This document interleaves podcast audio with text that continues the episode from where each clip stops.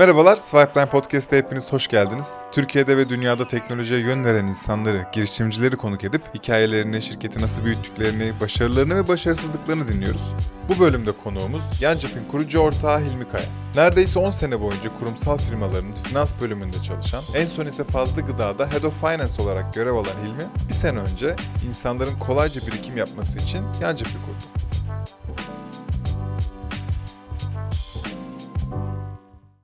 Hilmi'cim hoş geldin ya. Hoş bulduk. Önce işi anlatarak başlamak Tabii. en güzel oluyor bizim için.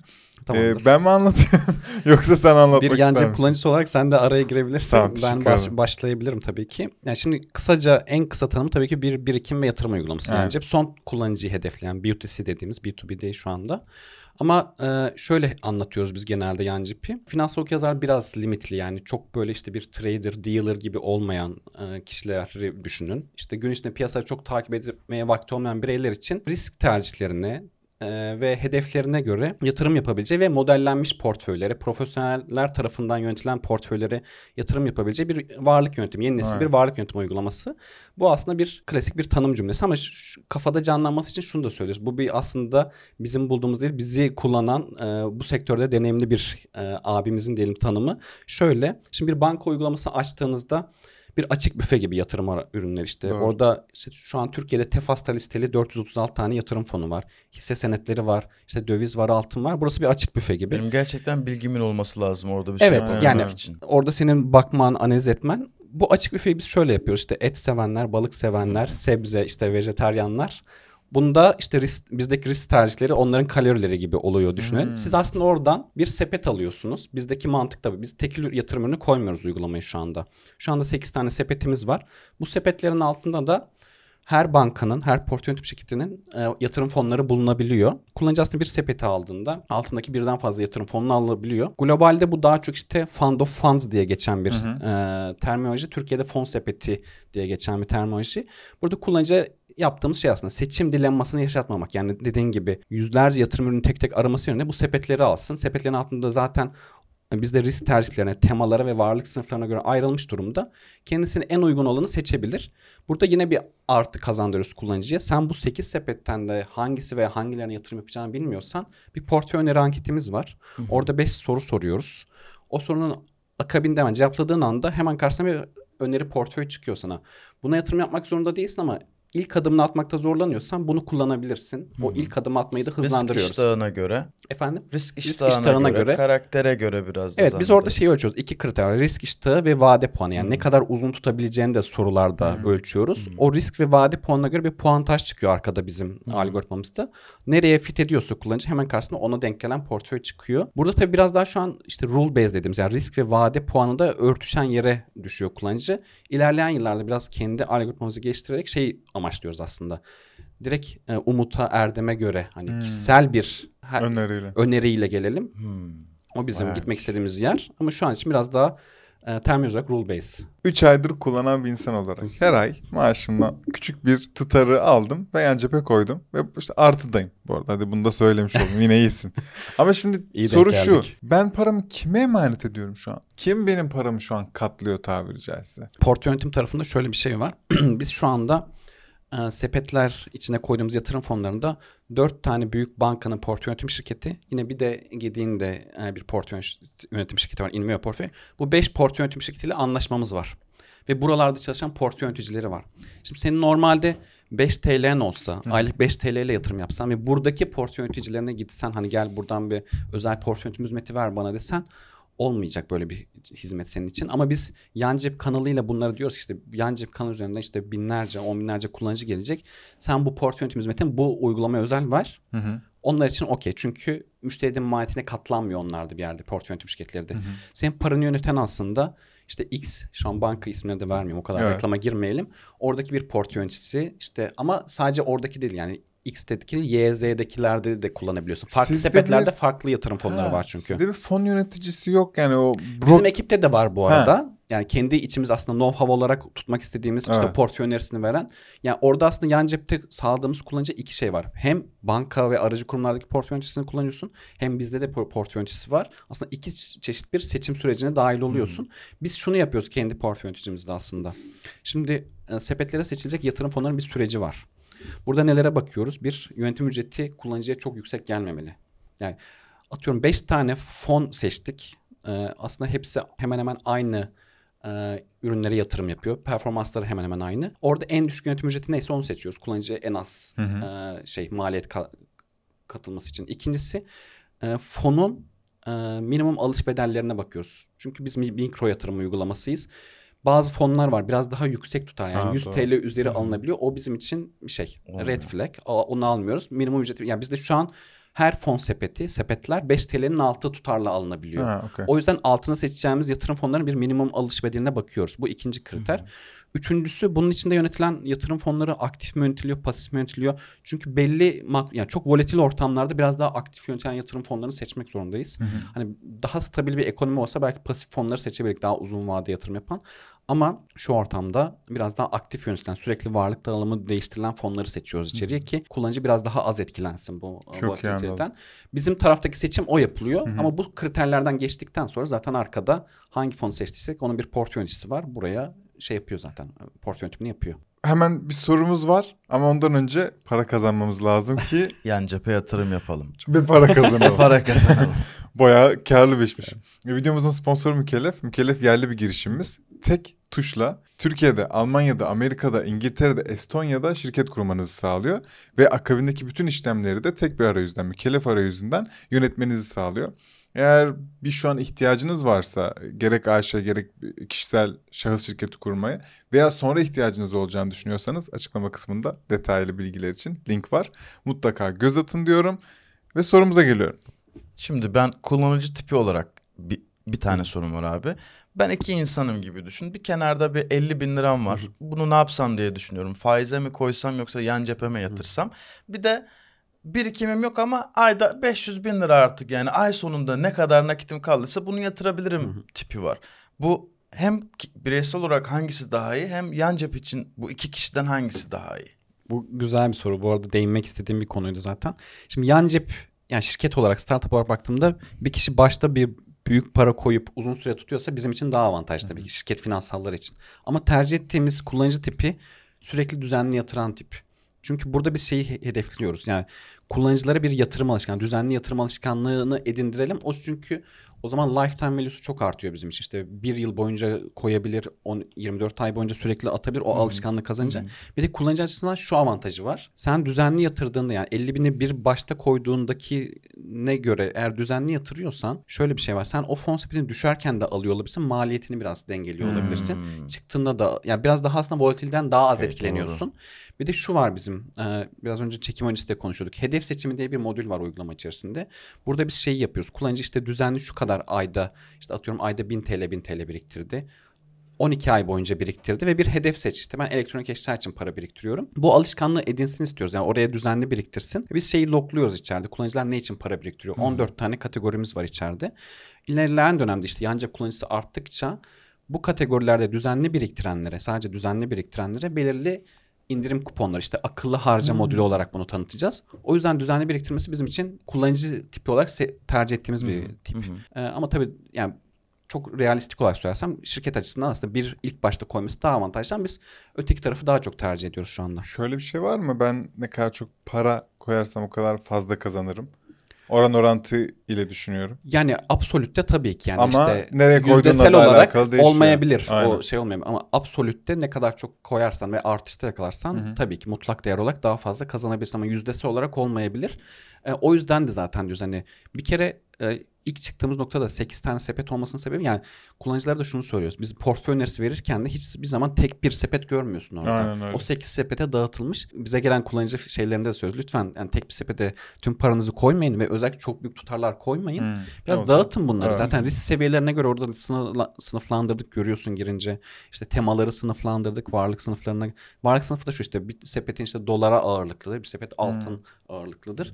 Bunları koyuyoruz. Ve sen hani tek sepete koyduğunda biraz daha kendini şeye açık bırakıyorsun. Volatiliteye çok açık bırakıyorsun. O Evet. yüzden 8 sepete biraz dağıt. Yani 8 sepet olmasa en azından 3-4 sepete dağıt istiyoruz. O yüzden biraz hani büyük bir para koyacaksa kullanıcı ki amacımız aslında biraz daha mikro yatırım ama büyük de koyabilir. Bunda bir engel yok. Biraz daha dağıtsın istiyoruz ve sepet mantığını edinsin istiyoruz yani kullanıcı. Kaç kullanıcı var? Bizim iki ay oldu bu arada lansmandan sonra. Ee, şu anda aslında içeride hani hesap açılış sürecinde olan e, ve tamamlayan 1500 kişiyi bulduk. Ee, içeride de şu an biriken sepetlerde biriken tutar 5 milyon TL'ye yaklaştı. Güzel rakam. Ee, bu sene iyi. sonunda artık işte yaklaşık 2-3 ayımız kaldı. 10 milyon TL'ye geçmeyi hedefliyoruz içeride biriken şey olarak. Bundan bir sene sonra yani 12 ay sonra da 50 milyon TL'lik bir içeride biriken Evet. tutar hedefliyoruz. Ee, burada bir şey limiti vardır Türkiye'de de portföy yönetim şirketinin ilk 1 milyar TL'yi geçme. Biz 5 yılın sonunda hani hedefimiz 1 milyar TL'yi yönettiğimiz yani sepetlerde Evet. biriken tutar olarak 1 milyar TL'yi hedefliyoruz. Hadi bakalım inşallah. Şimdi şeyi merak ediyorum. Başta da bahsettin ya. Burası kaotik bir pazar. Çok hareketli Kesinlikle. pazar. Bir sürü yani açık büfe diye yine örnek vermemiz gerektiğinde bir sürü yiyecek var şu an orada Evet. benim seçim yapmam gereken. Ve ben neden yan cep tabağını seçmeliyim gibi de bir şey oluşuyor. Doğru. Ama e, önce şunu merak ediyorum.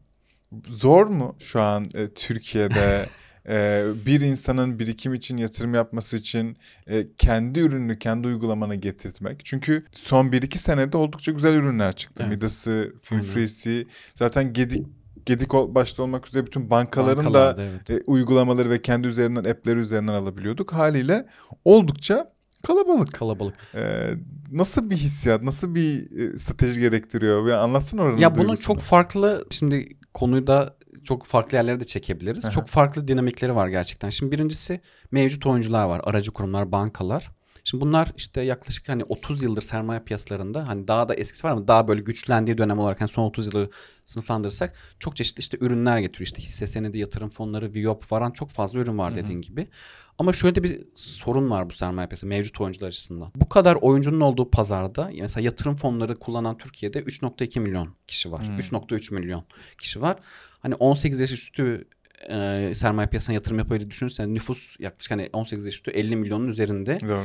Yaklaşık nüfusun %6'sına hitap edebilmiş. Yani sermaye piyasaları mevcut oyuncularda diyorum yani bizim fintechleri bir kenara bırakıyorum. Karlılık açısından şöyle düşün. Bir banka sen vadiste paranı tuttuğunda ve krediye yönlendirir onun için çok karlı. O yüzden yatırım ürünlerini sana satması biraz daha ikinci planda. Evet. Kendiyle çelişiyor orada. O yüzden de sermaye piyasasını çok çok çok güçlendirme bir ajandası her zaman yani yılın 12 ayı olmayabilir bir banka için. O yüzden de yani Türkiye'de yatırımcı sayısı son kullanıcı anlamında işte belirli oranlarda kalıyor. Ben şey olarak kesinlikle yani pazarda işte Midas var çok ciddi bir e, disruption getirdiler kesinlikle. Çok da takdir ediyoruz onları da. E, Midas, Finfree bizim gibi fintechlerle bu e, bireysel yatırım sayısının çok çok artacağını ve Kesinlikle. globalde de kesinlikle. Ben başladım abi bak görüyor musun? evet yani. E, Midas benim ilkimdi. Hı hı. Bu e, hisse senedi tarafında. İkinci yan cep oldu. E, Finfree'den özür diliyorum. Hesap açtık ama orada paramız yoktu o zaman şimdi. ya Özür bunu dilerken- dememeliyim değil mi? Ya, ama hesap açtık atabilecek paramız yoktu abi o zaman. Doğru. Gerçek bu aslında ya. Bunu, Gerçek bu, bu. gerçek konuşuluyorsa gerçek, Gerçek bu. bu. Aynen Yani öyle. o anlamda Oradan okudum mesela ben bayağı bir şey öğrendim. Onlara yarar olmadı sadece ben sömürdüm. Yani kesinlikle her fintech'in e, kullanıcıya kattığı çok farklı deneyimler var. Yani dediğin gibi işte e, bir fintech çok daha analiz anlamında şey katabilirken biz biraz daha kolay yatırım yani çok fazla seçim Aynen. sürecine girmeme ve işte arkada bir portföy yöneticisinin onu yönetme değer önerisiyle geliyoruz. Ama şey e, bir tarafta hani biraz daha sermaye piyasası Midas, Finfree bizim gibiler. Kripto paralar çok zaten popüler. Acaba kripto ne alemde? Hani biz az önce bu e, genç kesimin 18 sonrası kesimin %6'sı dedik. Hı hı. Kriptoda bu ben %15'leri 20'leri bulduğunu tahmin ediyorum. Bu arada yani sermaye genç kesimde sermaye piyasalarına göre çok daha penetrasyonu yüksek bir ürün kripto para yani. Kesinlikle. Çünkü orada biraz daha işte çok düşük tutarla çok yüksek Aynen. getiri Yırtma şeyi var. Ee, kullanıcıların kafasında da e, tabii kripto pazarı son işte bir yıldır, bir buçuk yıldır biraz daha şey e, düşün moduna geldiği için biraz şey oldu. Son dönemde biraz belki Hype'ı söndü. hype'ı söndü. Ama bu Artar tekrar artacaktır Evet, yani. evet. yani yeni ürünler, yeni yaklaşımlarla. Ben kendi şeyimi söyleyeyim çok özür dileyerek estağfurullah. Kendi düşüncemi. Ben bir hisse senedi alırken e, bir yani şirkete ortak olurken şunu hissediyorum. Ben bir ekibe, bir hedefe koşan Tabii. bir gruba yatırım yapıyorum ve onlar çalıştığı sürece ben kazanacağım. Bu bana acayip iyi geliyor ve acayip iyi hissettiriyor beni. O yüzden ben kriptoda hiç yokum. Sıfır. Ve minik minik işte sizinle birlikte Yancep'le birlikte hiç bilmediğim için bu dünyaya böyle yatırım yapmaya başladım. Kriptoda bu böyle gelmiyor. Hep böyle her şey bana sanki sikem hani böyle kandırılıyormuşum gibi hissettiriyor. Bu benim bilgisizliğim bu arada belki de. Ya tabii şöyle e, teknolojisini bilmediğin bir coin'e yatırım yapmak gerçekten çok e, nasıl denir bilinçsiz bir yatırım. Hmm. Ve teknolojisini anlayabilmek için de gerçekten orada uzun saatler yani şimdi hani Bitcoin en popülerlerinden biri. Bitcoin çıktığından beri teknolojisi çok evolve olmuş yani çok değişen bir coin değil mesela sürekli her gün Bitcoin'in teknolojisi değişiyor Yok. diyemeyiz. Ama daha böyle işte getiri vaat eden yeni coinlerin de cidden böyle teknolojisini anlamak o alanda oturup ciddi anlamda analiz yapmak gerektiriyor. Ve bunu Türkiye'de değil hani globale baktığında kaç kişi yapabiliyor? Sınırlı. Gençler biraz daha vakti ve enerjisi olduğu için belki işte white paper'larını okuyup e, projelerini inceleyebiliyor. Kripto ayrı bir pazar ama kullanıcı cebindeki paraya baktığımızda ilk baştaki sorunla Yaşa. bunlardan birilerine yatır yani günün sonunda hepimiz rakibiz bir yandan kullanıcının cebindeki para anlamında. Ama şöyle şeyler de var. İşte yan cepi kullanan Midas'ı da kullanıyor olabilir. Midas'ı kullanan kripto parayı da kullanabilir. Dönem dönem parasını bir yerden çekip Orada. bir yere koyabilir olabilir. Yani ben kriptodan çokça kazanıp sonra Koyabilirsin. sana. Yarınla belki Evet, burada yani. Ana parayı başka yerde Aynen dediğin gibi. Değerlendirirsin. Yani bir dönem kriptodan çok para kazanmışsındır, kar etmişsindir. Artık hani bunu bir realizasyon, kar Evet. realizasyon çevirmek için çıkarıp yan cepte daha temkinli bir sepette değerlendirebilirsin. Ve işte Midas'ta değerlendirebilirsin. Bunlar dönecektir. Ama pazarı büyütecek de bunlar bence. B2C fintechler ve kriptolar.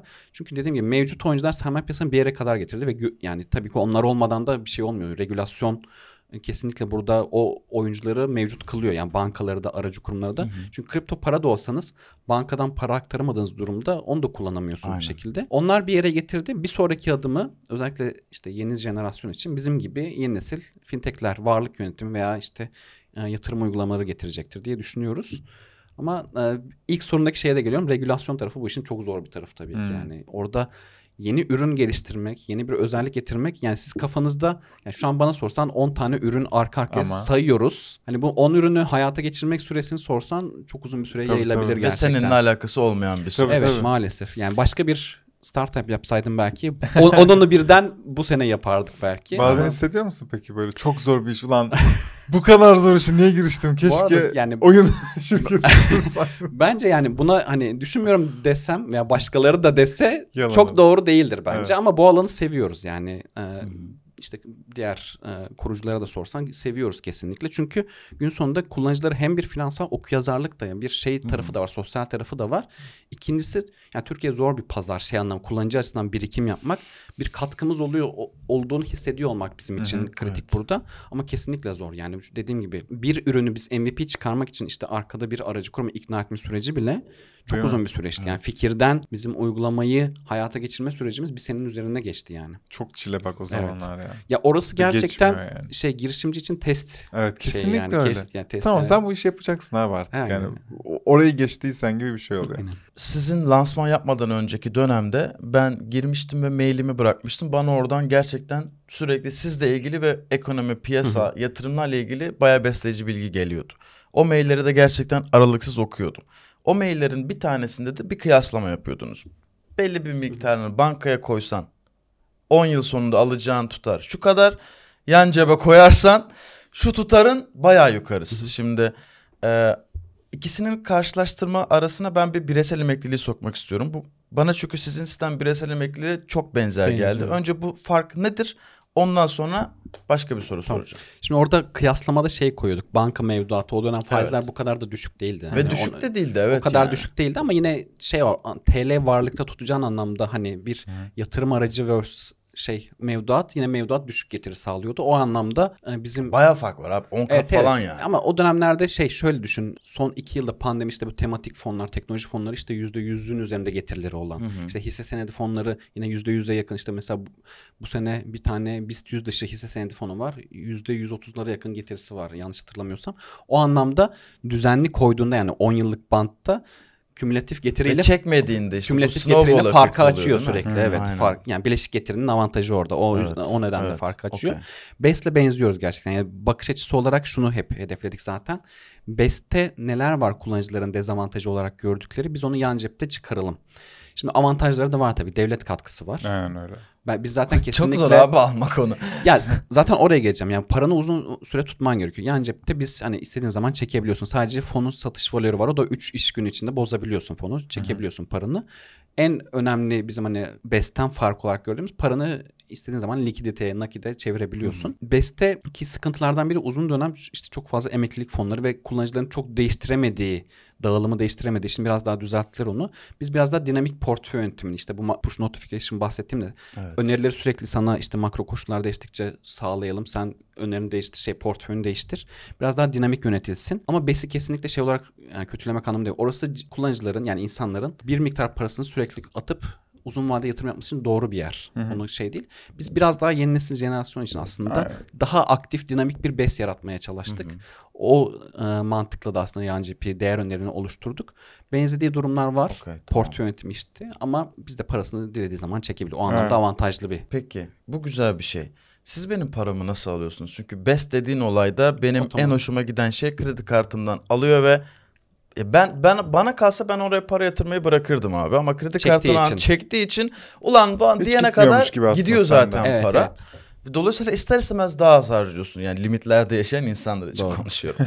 Sizde nedir durum? Ben yani şu ana kadar anladığım kayıt oldum ama hala aktif yatırımcın olmadığım için bunu soruyorum ve olmayan da insanlar vardır. Vardır evet. Benim size manuel mi yollamam lazım? Çünkü benden parayı almak zannedersem En zorlu. BES'e göre daha zor olan Evet, evet. bir kısım. Şu, yani Ya BES'le de kıyaslayıp bulmayalım yani. Ben sadece Evet. para alma şeklinden bahsediyorum. Anladım. Yani şey olarak dediğin gibi o besin avantajı var. Bizde şu an kendi bankandan girip aktarıyorsun. Yatırım hesabı açılan yere işte aracı kurumdaki yatırım hesabına. Biz şu an şeyi çalışıyoruz. Kredi kartıyla entegrasyonu çalışıyoruz. Onu bir vadede getireceğiz. Kredi kartıyla alınabilen işte tek e, sermaye piyasası aracı yatırım fonları. Çünkü fiyatı gün içinde bir kere Evet. e, konuluyor ve fiyatı değişmediği için kredi kartıyla hemen orada alabiliyorsun.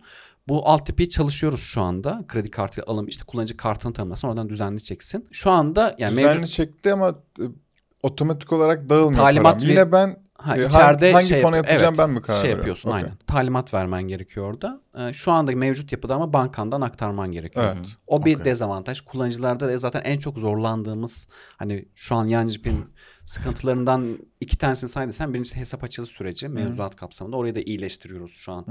Ondan da bahsederim. İkincisi de parasını atma. İşte orada biraz notification'larla, bildirimlerle sürekli işte kullanıcıyı biraz rahatsız ederek belki işte hani gel buraya hesabın açıldı paranı aktarabilirsin. Onları bildirimlerle yapıyoruz. Ama çok alışığız aslında. Ben hiç yadırgamamıştım. Yani sen kripto da almak istesen X bir platformdan. evet, bankadan Ya da Y bir platformdan e, işte hisse senedi de almak istesen ya da başka enstrüman ürünleri de sen zaten parandan havale gönderiyorsun o hesabı. Ben, ben mi yanlış biliyorum? okur yazarlık Biraz kısmında şey, hala evet. eksik olan insanlar ya hedefi. Ben Hı hı. zaten hani okey bunu biliyorum ama Ha bunu da Bunu- bilmeyen insan zaten. bunu zaten Evet bu zamana bazıları kullanıcılar şey yapabiliyor. aslında Aynen. bahsettiğim Tamam. Ya şey bu arada şey motivasyon. anlamında mesela global bizim böyle model aldığımız fintechlerde oralarda biraz daha mesela Amerika'da çok sevdiğimiz bize benzer bir model var. 2012 yılında İsmi kurulan nedir abi? E- Acorns. Bakayım. O da şey bu bilmiyorum. arada hikayesi de çok güzel. Meşe palamudu demek Acorns. İşte sincaplar unutuyor orada ağaçlar evet. çıkıyor şeyden. Onlar mesela Amerika'da 126 bankayla en son bildiğim rakam buydu. Entegre olmuşlar. Kullanıcı bankasını bağlıyor ve otomatik aktarabiliyor oradan. Hı hı. Türkiye'de bu yapı henüz yok. Yani bu Okey. işte open banking, açık Bu bankacılık. benim için önemli bence yani. Evet. Gidecek gideceğimiz yerlerden biri orası. Yani sen Türkiye'deki fintech ekosisteminde gideceğin yerlerden biri olsa açık bankacılık mevzuatıyla. Şu an bugün için yok bu e, teknoloji. O zaman bugün için olmayan şimdilik son soruma geliyorum. Sohbetin başında dedin ki şimdilik anlık. bireysel Aynen öyle. kullanıcılar için. Evet. Kurumsal sizle ne yapabilir? Şimdi orada bir tane şu Neden an sizinle potansiyel yapsın? var. Şöyle. Varlık yönetimi tamam. Ya ben bir önceki girişimde işte fazla gıdada kendimiz de biraz aldığımız yatırımın bir kısmını tabii değerlendiri- Değerlendirmek. değerlendiriyorduk. Ee, şöyle bir değer önerisiyle gitmeye başladık biraz startuplara. İşte yatırım aldın. Bir runway çizdin kendine. Bu para bana 12 Doğru. ay, 6 ay, 18 ay yeter dedin. Sen bunu ne, neyde değerlendireceksin konuşalım. Biz bir aylık tarafı okey senin için yan cepte yönetelim. Ha bir aylık. Yani a- denemek Böyle için. 12 işte, denemek 12 aylık için. Seni de rahatsız etmeyecek bir tutarı koy. Memnunsan devam edebilirsin burada. çok iyi. Ve bunu şundan şey yapıyoruz. Her startup'ın işte bir CFO'su veya bir varlık yönetim portföyü. Yani CFO olsa da bu alanda tecrübeli olmayabilir. Evet. E, değerlendirsin. Hani memnun kalırsa devam edebilir. Hangimiz istemeyiz ki runway'i uzatmayı abi? Evet yani öyle bir değer önerisi var. Yani tabii her startup buna belki şey yapmayabilir. Ben içeride ekibim var bunu yönetiyor. Biz Ha, okey. e, birkaç startup'a bunu anlatmaya başladık. Pozitif dönüşler hani bir işbirliği kapsamı olacak bir şeyler de var şu an bu ay için. E, Hı. onları konuşuyoruz. Ama tabii de e, odağımız hep şey B2C taraf. B2B bizim için bir kanal. kanal. Yeni bir gelir kanalı. Aynen. Peki siz nasıl para kazanıyorsunuz? Hadi gelir kanallarından birini öğrendik ama geç buraya. Asıl neyden para kazanıyorsunuz? Şöyle aslında bu sepetlerin içindeki yatırım fonları dedim işte şu an 5 tane portföy yönetim şirketiyle anlaşmamız var. Bunlara kazandırılan hacim üzerinden biz bir e, gelir paylaşımı yapıyoruz onlarla. Kazanılan tutar üzerinden. Evet. Yani şöyle düşün. Yancı 50 bin lira sulamadığıma geri dönelim. ben rakamlarla anlatayım. Şimdi iyi senaryoda 100 milyon TL bir yıl içinde yönettik diyelim. Evet. Hani ilerleyen yıllarda. 100 milyon TL'nin bir yönetim ücreti oluyor yıllık Evet. fonların. İşte yaklaşık ortalama %2'ler, bir buçuk %2. %2 yani kolay hesaplama. Yani kazansa da kaybetse. Kazancı geçtim. Orada O bunu yönetimin- yönetmek için bir Yüzde Tutar iki, var, evet. okey. Ee, o 100 milyon üzerinden yüzde iki işte 2 milyonluk bir geliri oluyor. Hı. Bu 2 milyonluk geliri yan cep üzerinden bu sepetler alındıysa işte yaklaşık gelirin yüzde 65'i yan cepte kalıyor. Yüzde 35'i o fonun kurucusunda yani hı. portföy yönetim şirketinde kalıyor. Kullanıcı için şu avantaj bankasından da alsa o fonu aynı yönetim ücretine şey olacak. Bizden alınca da bir Hı hı. ek almıyoruz. Biz sadece arkada o paylaşımı yapıyoruz. Evet, Hacim sen- kazandırma, kullanıcı kazandırma anlamında. Diğer tarafla aranızda bölüşüyorsunuz. Aynen. Gelecek planlarından bahsetmek istiyorum. Biz e, yan cepte neler göreceğiz abi önümüzdeki süreçlerde? Bana böyle ne kadar uçmak istiyorsan, ne kadar ileri anlatmak istiyorsan o kadar ileri anlat lütfen. Şeyi e, bahsetmiştim zaten. Hedef seçimiyle ne için para biriktirdiğini lo- lokluyoruz ve burada bir işte kullanıcı sayısı arttıkça işte elektronik eşya için bin kişi para biriktiriyor. Biz bunlara e, akıllı harca modülüyle de işte anlaştığımız e-ticaret sitelerini yönlendirerek indirimler de tanım ama düzenli biriktiriyorsa içeride. Düzenli para biriktiriyorsa bu önceliklerimizden biri. E, ikinci tarafta biraz daha kendi yani kullanıcının görmedi ama robo danışman algoritması, o öneri algoritmasını geliştirmeye yönelik. Zaten en büyük bize katma değer katacak o taraf kullanıcı Hmm. açısından da. Biraz önce bahsetmiştim kişiselleştirilmiş biraz daha. Şunu Insider'ın bize kattığı şeylerden biri de şu. Kullanıcının hangi sepetlerde ne kadar vakit geçiyor. Heat map Hı hı hı. ölçmeye başlayıp işte atıyorum 18-25 yaş arası daha çok bunları e, uygulama üzerine buralarda geziniyor. Bu fonları tercih, sepetleri tercih ediyor. Onları ölçerek aslında biraz daha kişiselleştirilmiş bir e, Öneriyle öneriyle geçebiliyoruz. gele, gel- gelmek istiyoruz. Onun dışında e, senin sorularından benzer aslında bir ilerleyen yıllarda bu çok kısa vadede olmayacak ama kitle fonlamaya benzer aslında bir fon içerisinde girişimlere yatırım yapılan bir ürün yani GSF üzerinden. Aa, Burada tabii bir işbirliği gerekecek yine bir portföy şirketiyle yapmak istiyoruz. Çünkü şu var bizim kafamızda. Finansal fırsat işsizlikleri nasıl giderebiliriz? Yani Türkiye'de çok normal yatırımcılar girişimlere yatırım yapamıyor. Biraz Evet, işte melek doğru. yatırımcı, akreditasyon gerekiyor ama bir GSF fonu üzerinden yapılabilir bu. evet. Bunu da biraz arkada çalışmaya başladık ama bu hemen hani 6 ayda çıkacak bir şey değil. Bunu biraz içeride pişiriyoruz. Ama Bu- ne kadar güzel olur. Seve bu seve yani. istediğimiz şeylerden biri açıkçası. Ee, burada da iyi bir network'ümüz var aslında hani mevcut yatırımcılarımız da çok fazla melek yatırımcı var vesaire. Orada yönlendirebilecek hani e, network'üyle bizi burada hızlandırabilecek mevcut yatırımcılarımız da var. Bu istediğimiz şeylerden biri. Ee, onun dışında kripto çok şey bir evren. Hani hiç kulak arkası yapamayacağımız bir evren. Ee, ama orada da biraz şey kafasındayız. Yani tekil kriptolardan çok bir kripto sepeti yapılabilir mi? Aynı İçinde güzel olur. işte bir sepet üzerinden birden fazla alınabilir. Bu da bir aslında ilerleyen yılların hani bir yıl içinde konuşmak istediğimiz ve geliştirmeyi planladığımız özelliklerden biri. Çünkü yani ne kadar hani düşüş trendinde de olsa şu an büyüyecek bir pazar ve abi. yani kesinlikle Aynen şey yapamayacağız. e, kulak arkası edemeyeceğiz Aynen bir pazar kesinlikle. Bunlar var. E, şu an aklıma gelen daha çok var aslında da şu an bir, bir çırpıda anlatabileceklerim Evet. bunlar diyebilirim. Şeyi konuşmak ister misin? Şu an bir turda olduğunuzda yeniden bir şey kapatmak istediğinizi. Şu an evet bir turdayız. Biz bir Konuşabiliyor muyuz? Ha, konuşabiliriz. Tamam. Bir önceki turu da anlatarak biraz aslında Hadi çok abi. kısıtlı kaynakla biz MVP'yi geçtik. Biz aslında bir tohum öncesi yatırım turu kapattık. Orada da şöyle bir şey vardı işte yatırımın bir kısmı MVP için girdi. Yani o da aslında 130 bin dolar civar bir tutarla 9 ayda işte girdikten sonra bir MVP çıkardık. Hiç doğru düzgün bir pazarlama harcaması olmadan da bu parayla e, şu bugüne kadar geldik. E, bir sonraki tura yani bu tura aslında mevcut yatırımcıların komit ettiği bir yani ben bu tura da katılacağım diye bir tutar vardı. Hı hı. Biz ama onu aslında içerideki mevcut yatırımcı dışında biraz daha tecrübede ve network getirmek için başka bir tura çıkalım dedik. Yani Hı biraz daha farklı yatırımcılar da gelsin. Onların network'üyle ve deneyimiyle de yan cipi birlikte büyütelim. O kapsamda bir tura çıktık şu anda biz. Ee, fena gitmiyor tur şu an belli işte taahhütler var ortada. E, turu inşallah hani bir ay içinde kapatmayı hedefliyoruz Hadi diyeyim. bakalım. Hadi şey falan hayırlısı söylüyor abi. musun? Ne kadar ihtiyacınız olur? Kaç değerleme falan? Onu biraz daha Tamam. netleşince şey Okey, yapalım. Nasıl istersen. Ben sordum Aynen. sadece. Abi gelip anlattığın için çok teşekkürler. Aa, ben teşekkür Ağzına ederim. sağlık. Hani Ben ben en azından kullandığım ürünü içeriden dinleme fırsatı Ya ben buldum. açıkçası ben de katılmak çok istiyordum zaten. Hani, e, çok beğendiğim bir format yani benim için. Eyvallah, Fikirlerimi anlatabileceğim. Sizin sorularınız da çok yerinde, çok güzeldi güzeldi. Ben teşekkür ederim. Hadi. Ağzına sağlık abiciğim. Güzeldi ya. Vallahi çok hoşuma gitti.